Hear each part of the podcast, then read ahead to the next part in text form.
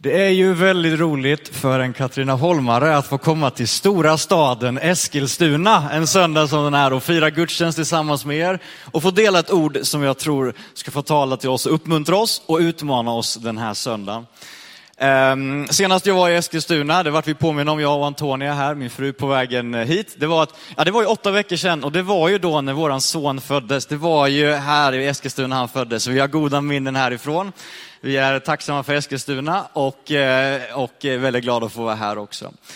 Anton Fust heter jag som sagt. Jag är pastor i Pingstkyrkan i Katrineholm. Fokuserar framförallt på ungdomar där. Så ja, men jag och Malin känner varandra och flera andra här med samarbeta här i regionen. Jätteroligt att få vara här. Och Malin, tack för inbjudan. Jätteroligt att få komma hit. Ja, och vi har, okej, okay, ja absolut. Oj, oj, oj.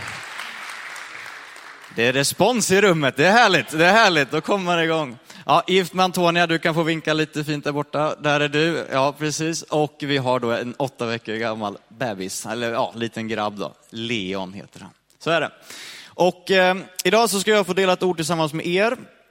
Och eh, jag har en titel. Och det är att det är dags att gå i tro. Det är dags att gå i tro. Du kan få vända dig till din bänkgranne och bara säga, det är dags att gå i tro. Och så kan du vända dig till andra bredvid om du har någon och säga samma sak igen. Det är dags att gå i tro.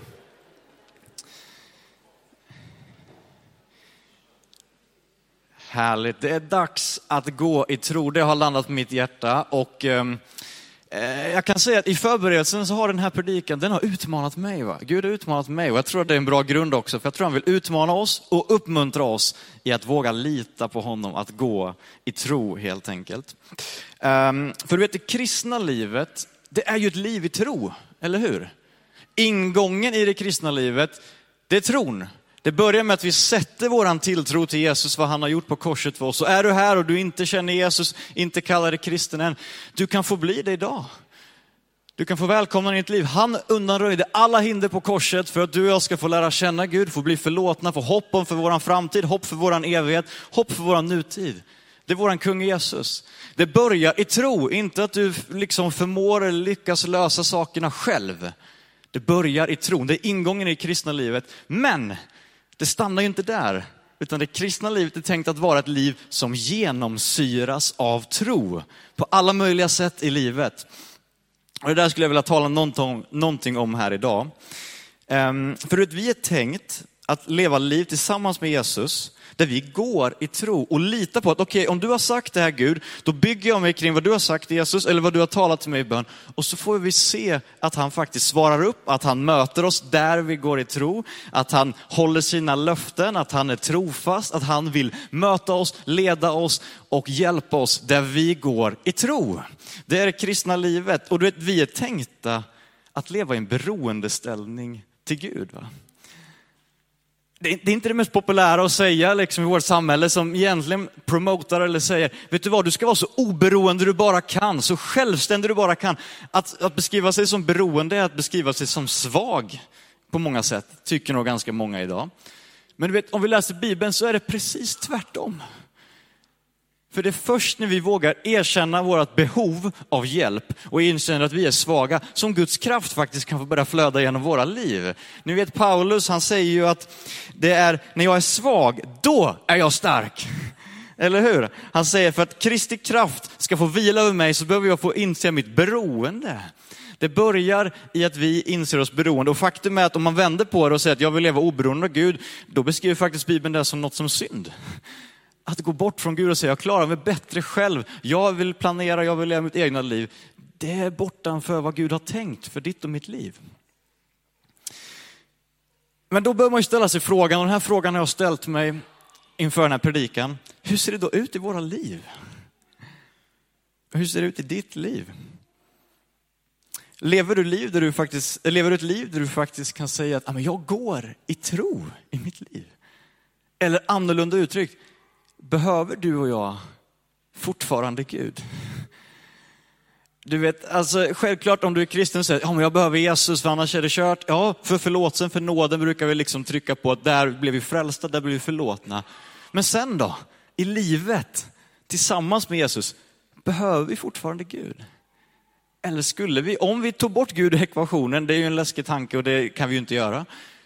hade jag klarat mig ungefär lika bra om jag hade levt mitt liv som det är nu.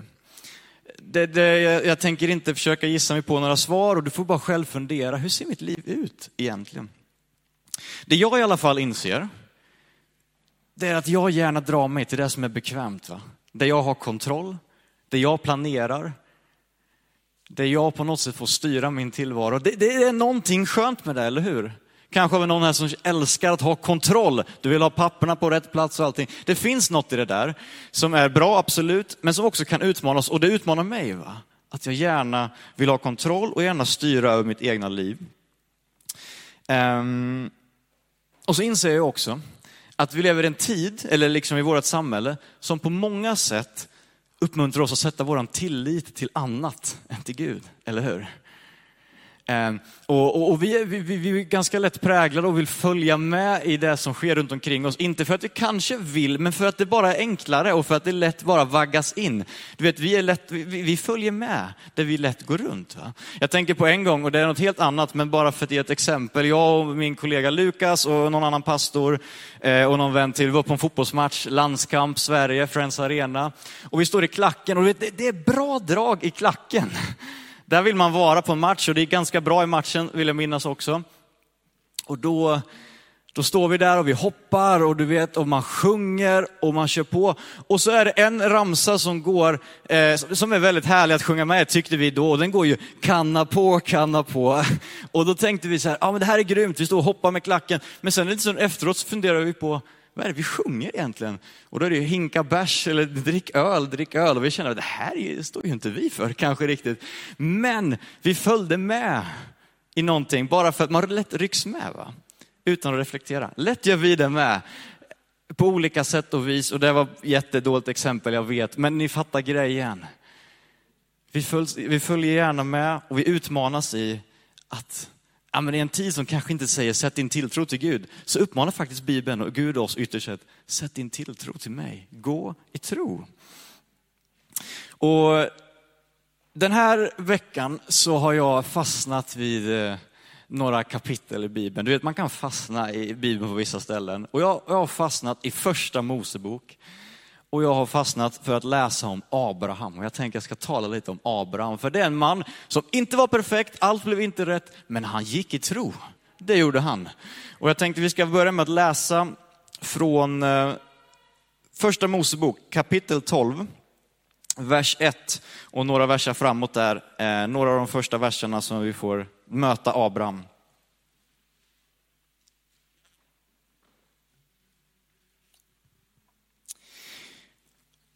Då läser vi så här. Herren sa till Abraham, gå ut från ditt land och din släkt och din fars hus och bege dig till det land som jag ska visa dig. Där ska jag göra dig till ett stort folk. Jag ska välsigna dig och jag ska göra ditt namn stort och du ska bli en välsignelse. Jag ska välsigna den som, eller dem som välsignar dig och förbanna den som förbannar dig. I dig ska jordens alla släkten bli välsignade. Och Abraham han gav sig iväg som Herren hade sagt till honom och Lot gick med honom. Abraham var 75 år när han lämnade Haran. Han tog med sig sin hustru Sarai och sin brorson Lot, alla ägodelar och allt det folk de hade skaffat sig i Haran och gav sig av mot Kanans land. Och när de kom till Kanans land fortsatte Abraham in i landet ända till Shekems område, till Mores Terebint. Och på den tiden bodde kananéerna i landet. Och Herren uppenbarade sig för Abraham och sa, åt dina efterkommande ska jag ge detta land. Då byggde han ett altare åt Herren som han hade uppenbarat sig för honom. Och där stannar vi nu. Abraham möter vi här för första gången, eller till och med några versar innan i kapitel 11. Han är från Ur. Ehm, han är eh, 75 år kring den här tiden. Ehm, har vi någon 75-åring här inne? Eller kring 75 år? Där har vi några. Ja, men ni ser. Uh, han är 75 år. Han är gift med Sara eller Sarai. Uh, och de har inga barn. Uh, vilket var något utmanande och något tufft. Det kan vara tufft nu med, men inte minst under den tiden så var det någonting väldigt betingande. Så. Um, han befinner sig med sin släkt och så kommer Gud till honom och bara talar, Abraham, bryt upp, ge dig iväg till den platsen som jag ska visa dig.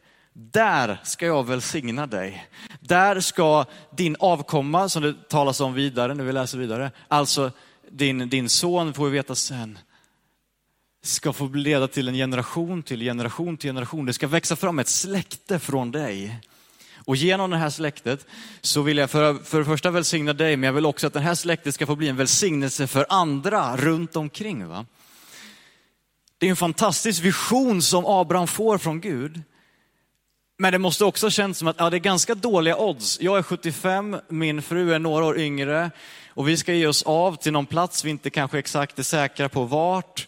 Och där lovar Gud att han ska välsigna oss och att han ska uppfylla det här löftet. Men det häftiga med Abraham är att han börjar gå.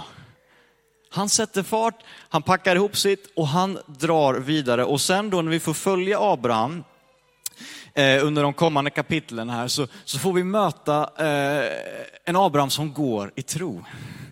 Han går i tro och vi får se vad händer då i det här livet. Vi får möta och se hur det tidigt blir hungersnöd i Kanans land eh, dit Gud hade lovat, det här landet ska jag ge till dina efterkommande. Han får fly vidare. Eh, Sara hamnar eh, på fel platser och det hotas då det här löftet om en löftesson för att Sara helt plötsligt eventuellt skulle försvinna bort från Abraham. Abraham hotas att dödas. Ni märker, det, liksom, det finns lite utmaningar längs vägen. Men genom allting så håller Gud sin hand över Abraham.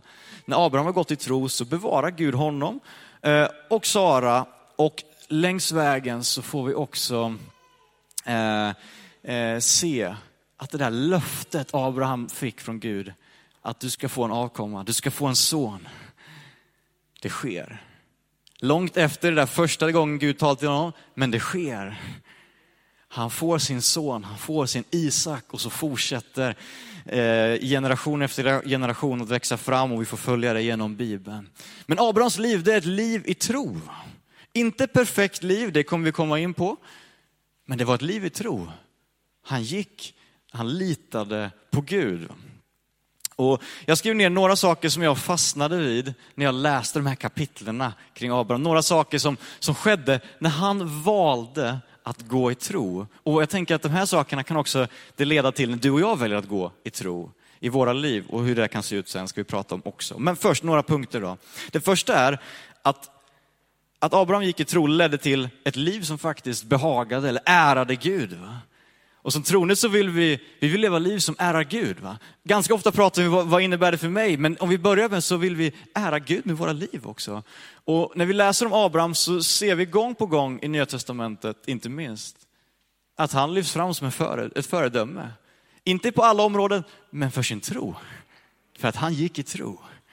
Abraham, han var ett föredöme. Han levde ett liv när han gick i tro som då behagade eller ärade Gud. Och samma sak är det ditt och mitt liv. När vi väljer att gå i tro så ärar vi Gud. Det andra jag tänker på är att det leder till en gemenskap med Gud. Vi vet inte exakt hur Abrahams och, eh, och, hans relation med Gud började. Vi får ju bara möta här att helt plötsligt talar Gud till honom. Men vi ser längs vägen, om du läser de här kapitlen, det är ja, 10-15 kapitel framåt här, ser vi hur det utvecklas en så fantastisk relation mellan Gud och Abraham. En så nära, intim relation. Faktum är att ehm, på flera ställen i Bibeln, bland annat i Jakobsbrevet kapitel 2 23, så beskrivs faktiskt Abraham som Guds vän. Andra ställen, Guds älskade. Det finns någonting av intimitet och närhet och det där följer ditt och mitt liv med. När vi väljer att säga, okej okay, Jesus, du säger att vi ska gå hit, jag följer med då går vi ju med honom. Där kommer en närhet och relation, där du och jag vågar att sätta vår tillit till Jesus, till vad han har sagt och, och, vad han säger till oss, kanske i bönen eller genom ordet och gå. Då växer också en gemenskap med Gud fram som fördjupas. Så längtar du efter det, låt oss gå i tro. Där händer någonting. Det tredje, han fick erfara Gud. Gång på gång fick han erfara Gud. Är det någon som längtar efter att erfara Gud eller möta Gud? Ja, det sker någonstans när vi kliver ut i tro. För du vet vad Abraham fick höra att du ska gå och där ska jag välsigna dig. Det, det händer något när vi sätter fart, när vi börjar gå, när vi vågar lita på vad Gud har sagt. För där vill han möta oss. Där kan vi få möta honom. Abraham konkret på flera sätt ser vi hur Gud griper in och möter honom, men inte minst när vi kommer till kapitel 21, när han då får sin son, mirakelsonen. Det som är helt omöjligt rent mänskligt. Abraham är 100 år, Sara 90 tror jag. Det, det är inga bra odds för att få barn. Men miraklet sker för att han gick i tro. Han fick erfara Gud. Samma sak kan få ske i våra liv när vi väljer att sätta våran tillit och gå. Då kan vi få erfara Gud. Det fjärde. Det ledde faktiskt till välsignelser på olika sätt i Abrahams liv. Till goda saker från Gud in i hans liv. När vi läser i kapitel 24 i första Mosebok så står det att Abraham var nu gammal, nu har vi kommit ganska långt in i Abrahams liv. Då. Abraham var nu gammal, från vers 1, och hade nått hög ålder och Herren hade välsignat honom i allt, står det. Abraham blev välsignad av att han gick när Gud sa gå. När vi väljer att lita till Gud så vill Gud faktiskt leda oss in på platser som är bra för oss. Absolut, det kan komma utmaningar, vi kommer till det. Men också till det goda. Han har goda avsikter, goda planer för ditt liv. Du kan lita på Gud. Han vill leda dig på goda vägar. Eh, och jag tänker inte att vi ska liksom utveckla det för mycket och tänka att ja, men går vi med Gud så kommer allt bli lätt, allt blir bra, vi kommer få överflöd av allt. Jag tror inte riktigt det är modellen enligt Bibeln. Men samtidigt har vi att Jesus faktiskt säger i Matteus 6.33 att sök först Guds rike och hans rättfärdighet så ska ni få allt det andra också. Det finns någonting att när vi sätter Gud först, när vi väljer att gå även fast vi inte förstår, så har han lovat att backa upp, hjälpa oss, försvara oss, vara med oss, stötta oss, lyfta oss där vi går fram. Va? Det är våran Gud. Så det finns någonting av välsignelser och godhet som följer när vi väljer att gå i tro. Men så kommer vi till femman, den kanske minst roliga av de här sex punkterna. Och det är ju att det här livet Abraham gick och valde att gå i tro, utan att exakt veta hur det skulle gå. Det innebar flera utmaningar, väntan och en del tvivel också i Abrahams liv. Och jag tänker att det är väldigt naturligt att det blir så. I kapitel 15 så så möter vi Abraham när han säger till Gud, okej okay, Gud du har sagt att jag skulle gå, jag har gått, du har lovat att jag ska få en son, men här är jag, typ, jag tror han 86 år eller 80 år eller någonstans där omkring och säger, jag har fortfarande inte fått någon son. Det hände ju ingenting. Har du svikit mig? Har du glömt bort mig? Jag har ju gått som du har sagt. Varför sker det inte? Men så får Gud tala in i hans liv och säga, jag har kontroll. Jag har hört din bön, jag håller fast vid mitt löfte, du kan lita på mig. Men det innebar ett tvivel hos Abraham va? i hans liv. Jag tror vi kan känna igen oss i det. Och det innebar väntan. För du vet, ibland när vi läser Bibeln, nu, så här läser i alla fall jag Bibeln, jag vet inte, du är säkert superhelig och har koll på all bakgrund och sådär. Men, men ibland när jag läser Bibeln så är det lätt att vi, vi läser någonting och så bläddrar vi sida och så helt plötsligt uppfylls det där som, som Gud har sagt, ett löfte.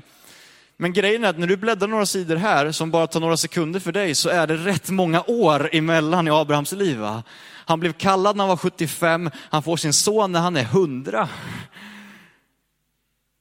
Vi bläddrar de där sidorna på några sekunder, men han väntade i år.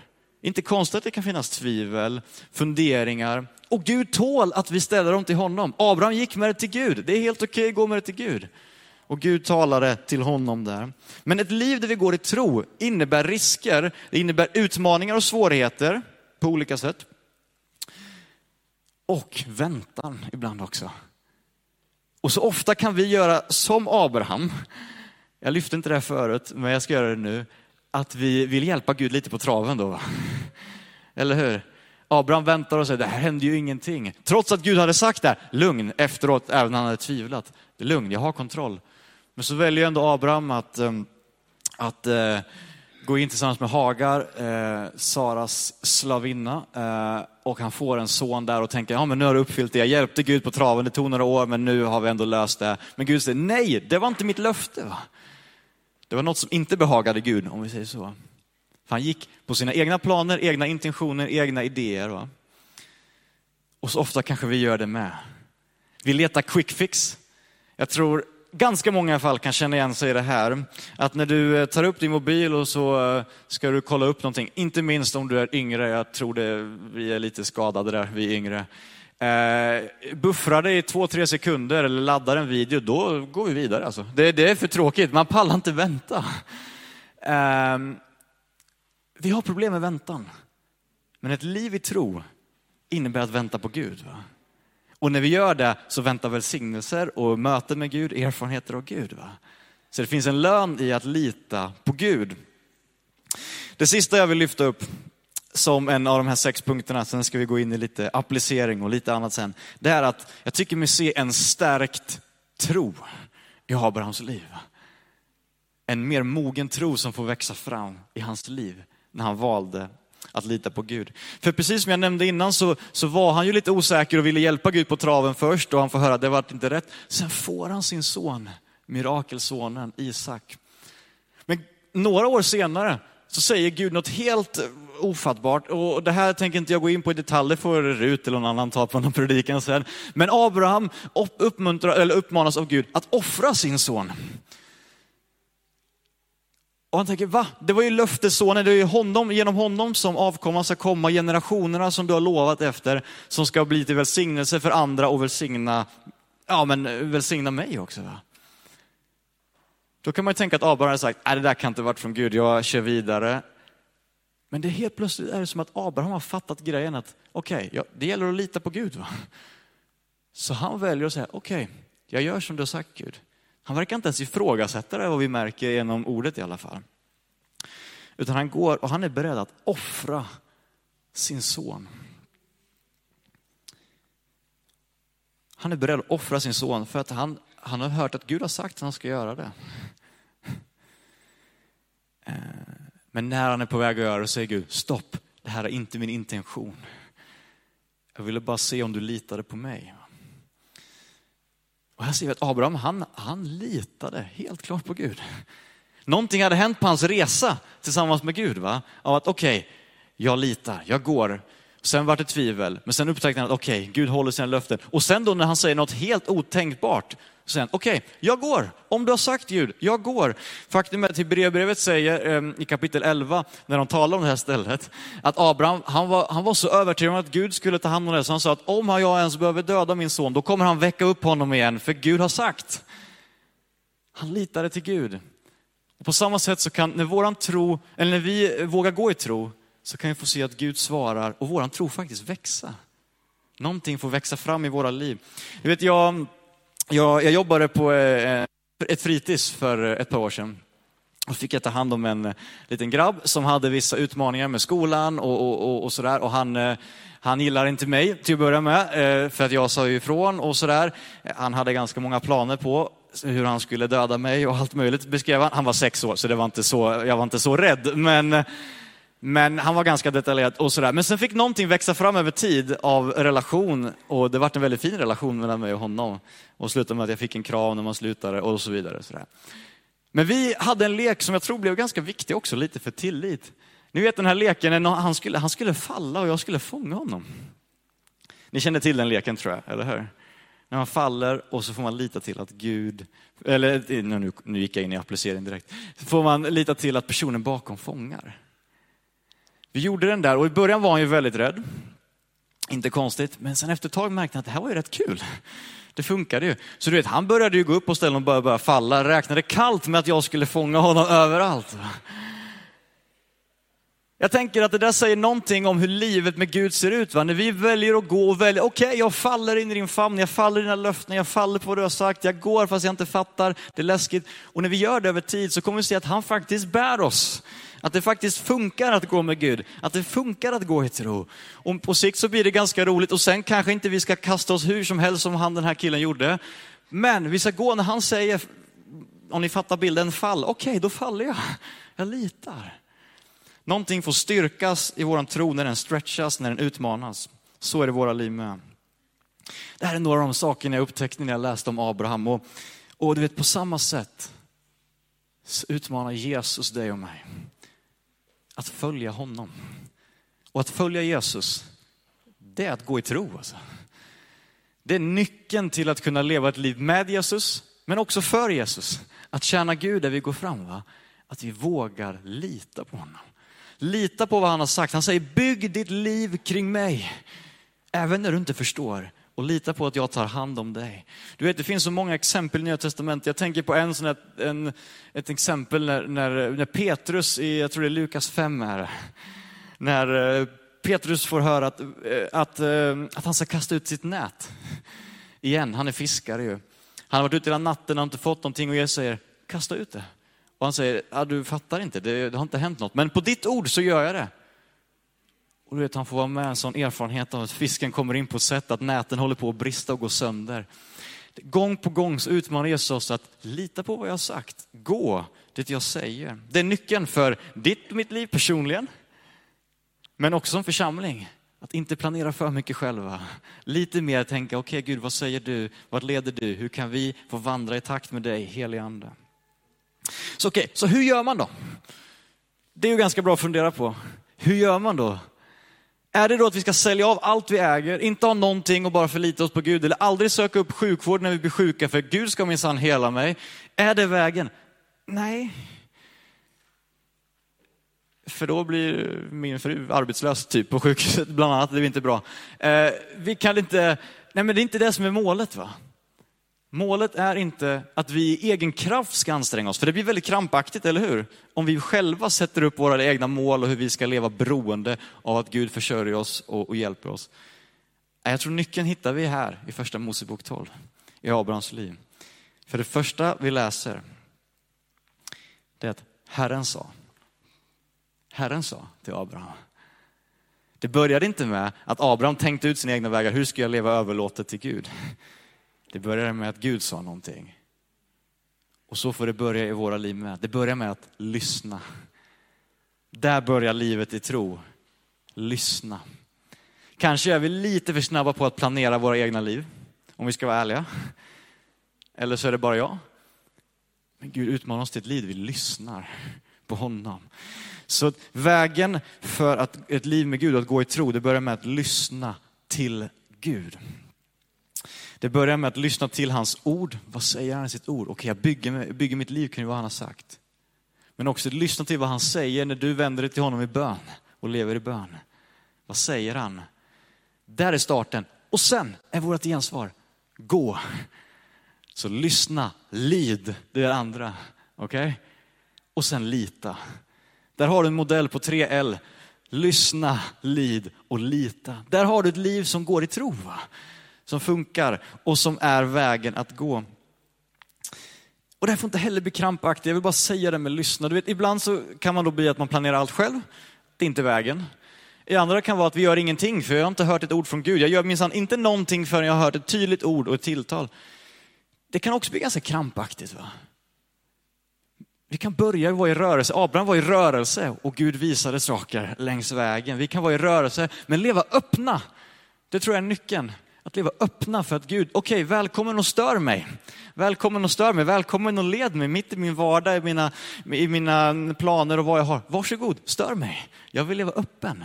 Där har du vägen. Och jag, alltså jag skriver ner några tankar bara, hur kan det se ut rent praktiskt? Då? och där sen ska jag gå in för landning. Du vet, det kan vara i din sysselsättning.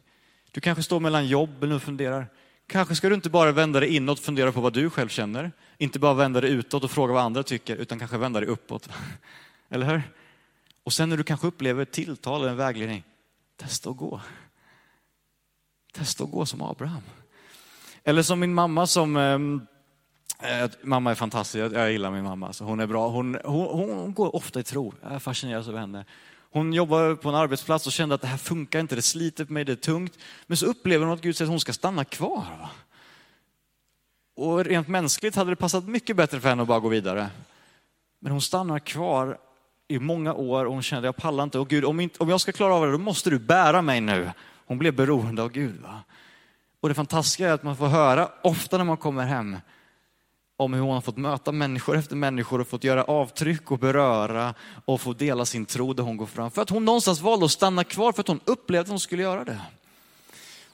Det finns någonting i att våga gå i tro när det gäller din sysselsättning, gällande din ekonomi. Att öppna upp och säga att mina pengar, Gud, det är faktiskt ytterst sett dina pengar.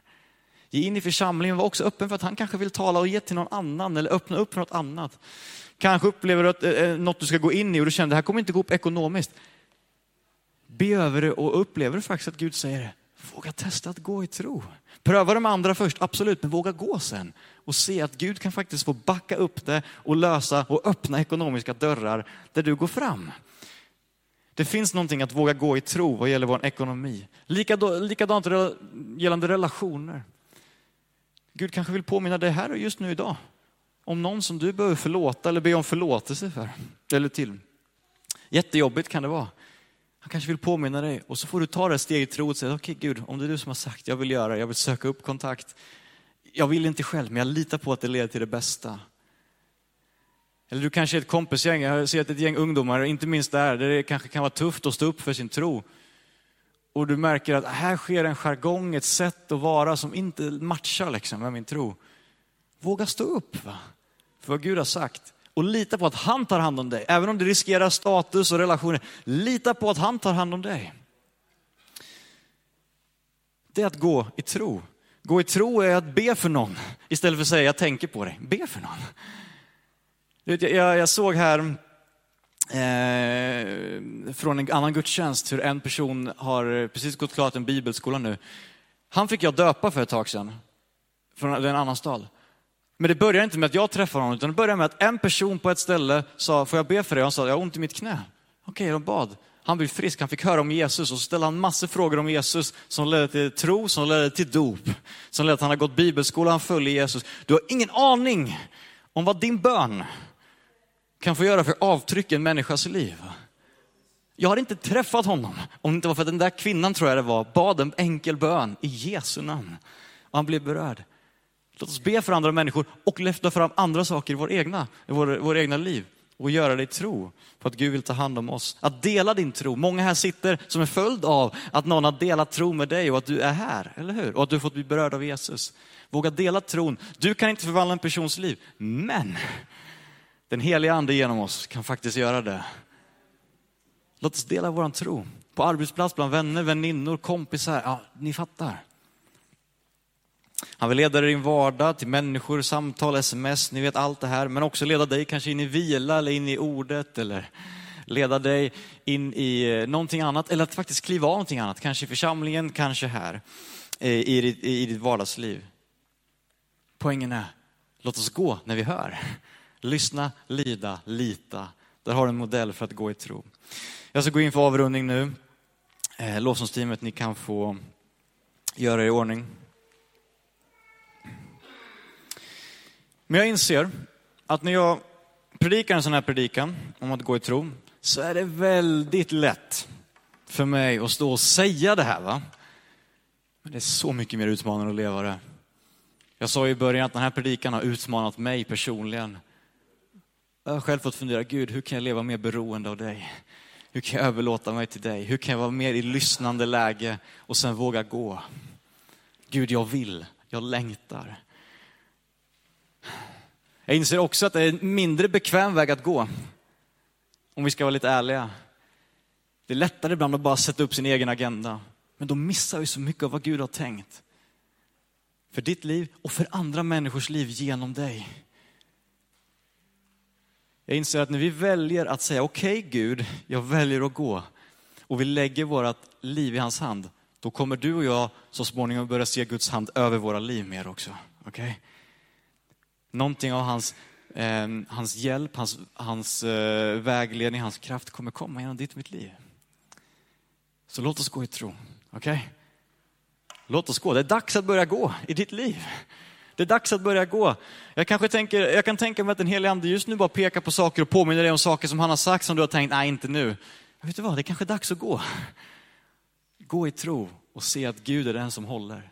Det kan leda till svårigheter, det kan leda till massor varför. Gud, varför hände det inte när jag gick? Absolut, men även där vill Gud möta dig och fortsätta leda dig framåt. Det är dags att gå i tro. Jag vill avsluta med bara be en bön och sen är förbönsplatsen öppen här om du vill ha förbön för något av det som jag har sagt eller något så annat som finns i ditt liv. Kanske dags att gå i tro för något som du bara, jag vill be för det här, det här är tufft. Gå med det till Gud så gör vi det i tro och lita på att han vill ta hand om oss. Okej? Okay? Jag ber en bön för oss här tillsammans först. Jesus, vi behöver dig. Ibland kanske vi låtsas om eller tänker som att vi inte behöver dig. Vi springer våra egna lopp, vi planerar våra egna agendor. Men vi behöver dig och vi vill leva beroende av dig. Vi vill leva på den vägen som är trons väg, där du öppnar dörrar, där du, där du visar, visar dig själv. Vi får erfara dig, vi får upptäcka dig, vi får tjäna dig och vi får se så mycket av glädje, men också mitt i utmaningar, din storhet och godhet är också Gud.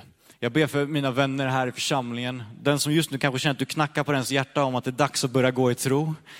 Herre, jag ber att du skulle tala och att den personen skulle få kraft att lyda, att du skulle möta den där den är just nu.